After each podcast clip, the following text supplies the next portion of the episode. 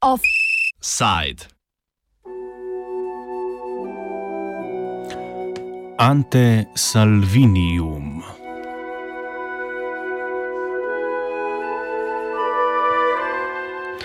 Vlada Republike Italije je sprejela spremembe varnostnih dekretov in omilila antimigransko politiko, ki jo je zagovarjal nekdani notranji minister Matteo Salvini.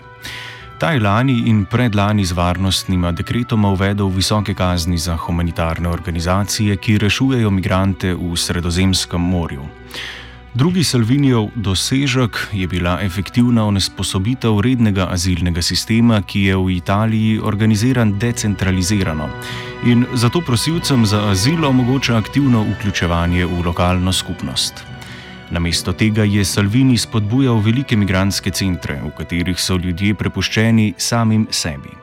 Za nje pa skrbijo večje zasebne korporacije, saj majhne humanitarne organizacije nimajo sredstev in kadrov za upravljanje tako velikih centrov.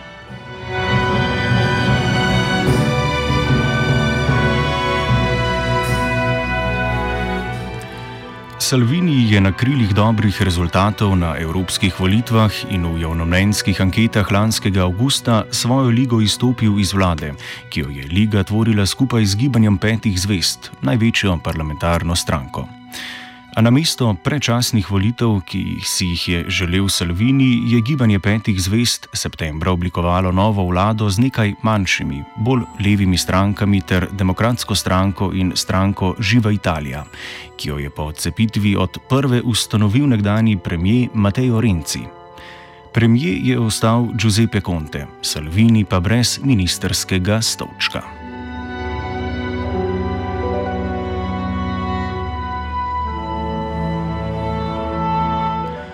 Nominalno levo-sredinska vlada je s premembami Salvinijevih dekretov sedaj v osnovi razveljavila njegove domislice in povrnila prejšnje stanje na področju italijanske migracijske politike. Spremembe vračajo pravico do prebivanja na italijanskem teritoriju iz humanitarnih razlogov, ki jo je Salvini ukinil, uvajajo pa tudi nekaj novosti. Največja je možnost zamenjave različnih statusov pravne zaščite, naprimer subsidiarne oziroma posebne zaščite za pravico do prebivališča na podlagi delovnega dovoljenja.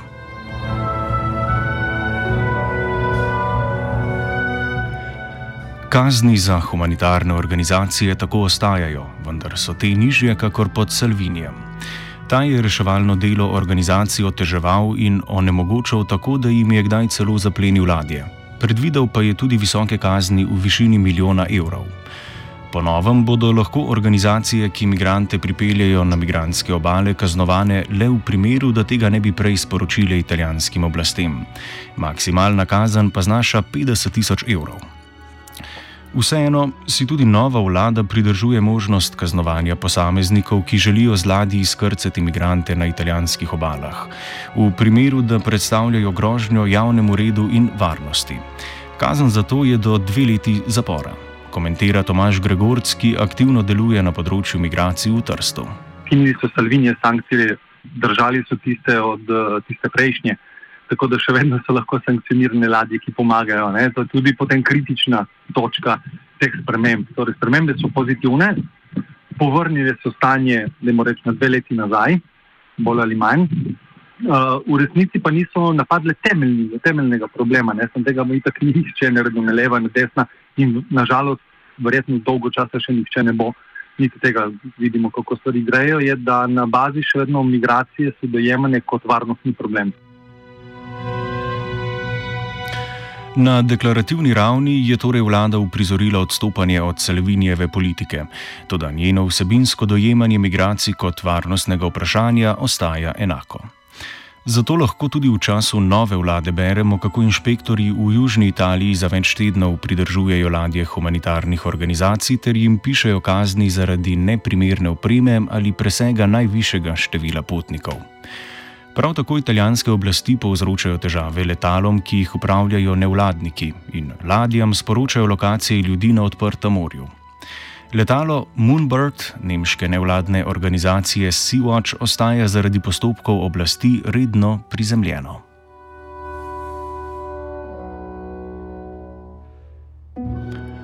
Reforme varnostnih dekretov ne prinašajo sprememb v politiki pohitrenih postopkov obravnav migrantov in njihovega hitrega pristanka v deportacijskih centrih, kjer nimajo svobode gibanja. Vzpostavljanje deportacijskih centrov, ki jih je po Italiji danes okoli 50, je z dekretom Miniti Orlando uveljavila že vlada Pavla Gentilonija, v kateri Salvini ni sodeloval.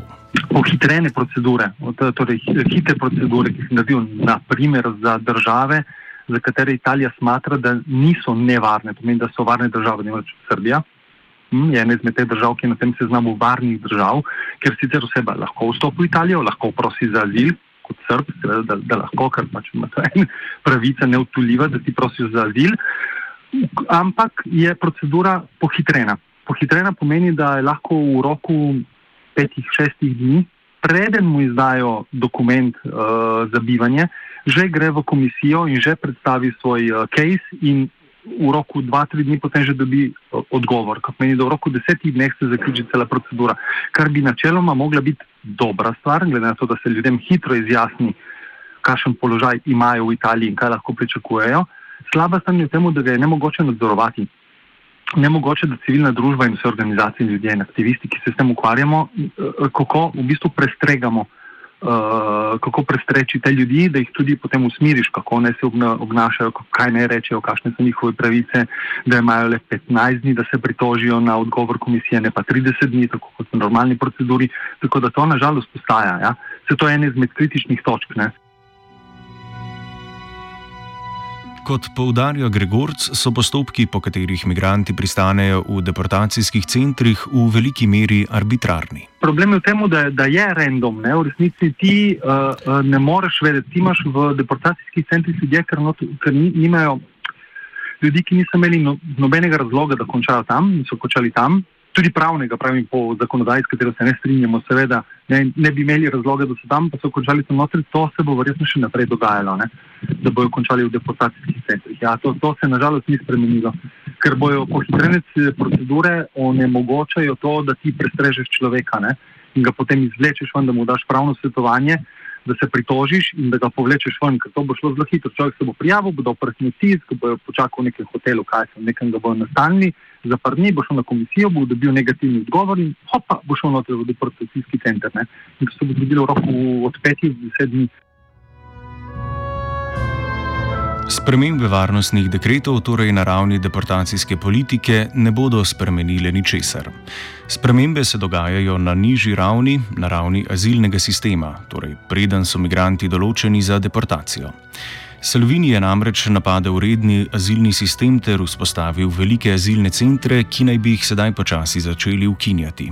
Kar je naredil Salvini, je to, da je omejil dostop ljudem v redni sistem nastanitve, razpršene ali decentralizirane, in je seveda s tem ustvaril tako imenovana parkirišča, tako smo jih imenovali parkirišča, torej te velike centre, uh, v katerih so ljudje čakali na odgovor. Niso dobili nobenih, uh, nobenih smernic, ljudje so bili praktično prepuščeni sami sebi. Seveda, enkrat, ko se govori o velikih centrih za nastanitev, uh, vsi majhni NGO-ji nimajo kapacitet, nimajo sposobnosti, nimajo financ, nimajo niti know-how.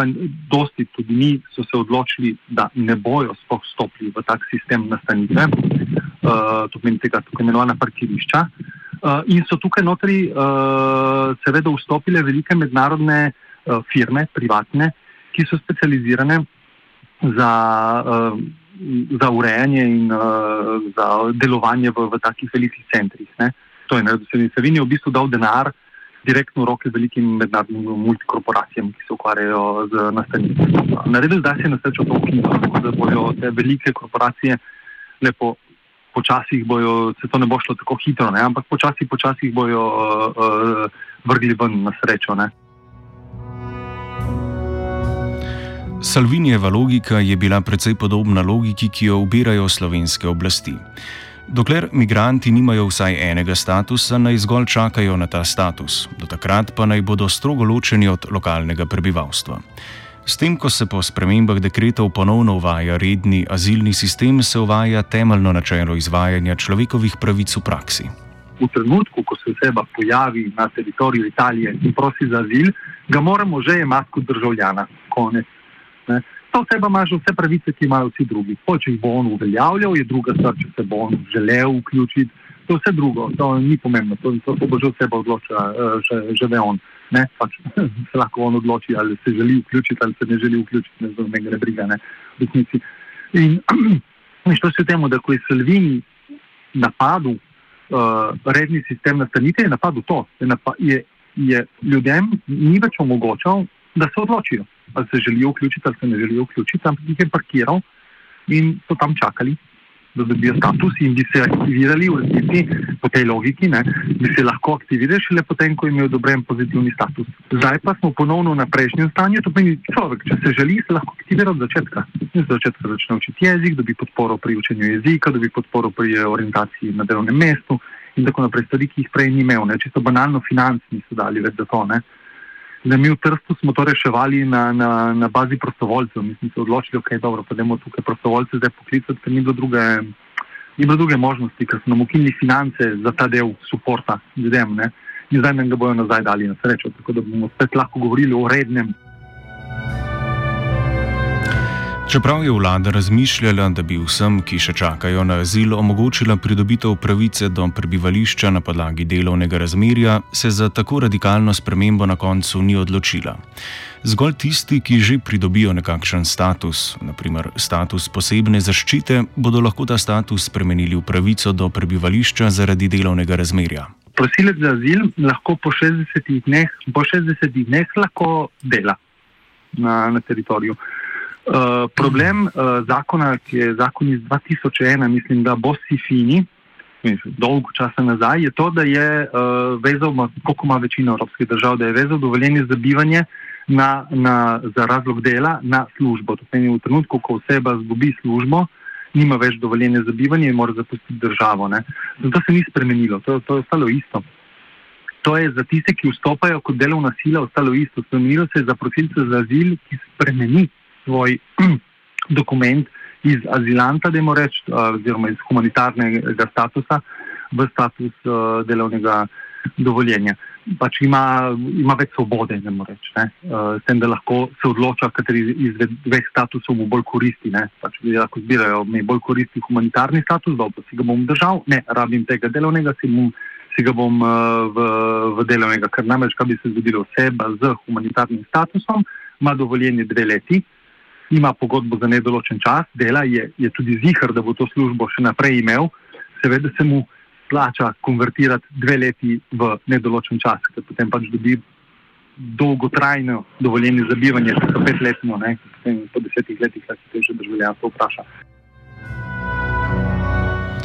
Seveda ima tudi takšna ureditev svojo temno plat. Ne zapre se uh, do konca možnost izkoriščanja tega. Seveda, da ti na eni strani imaš potem delodajalce, ki so še posebej po jugu, pa tudi po severnu, so resnici mafijska združenja, tudi kontrolira jih Andrangeta, pa vsi te, uh, te različne mafijske združbe, kjer imaš ti ljudi, ki so v resnici odvisni od tebe. Ne? To pomeni, da če jim ti karkoli modificiraš v njihovem delovnem razmerju, se to potem pozna na njihovem dovoljenju za bivanje. Uh, to je ta problem izkoriščena. Tako da na nek način ne, bi lahko celo rekli, da država Italija s tem, ko omogoča ta lahek prehod med uh, temi različnimi statusi, od azila do, do, do dela, olajša v resnici izkoriščanje delovne sile. Migranti v Italiji bodo, kot kaže, dočakali normalizacijo razmer. Vprašanje je, koliko boljša bo nova normalnost od stare. Offset je pripravil Martin.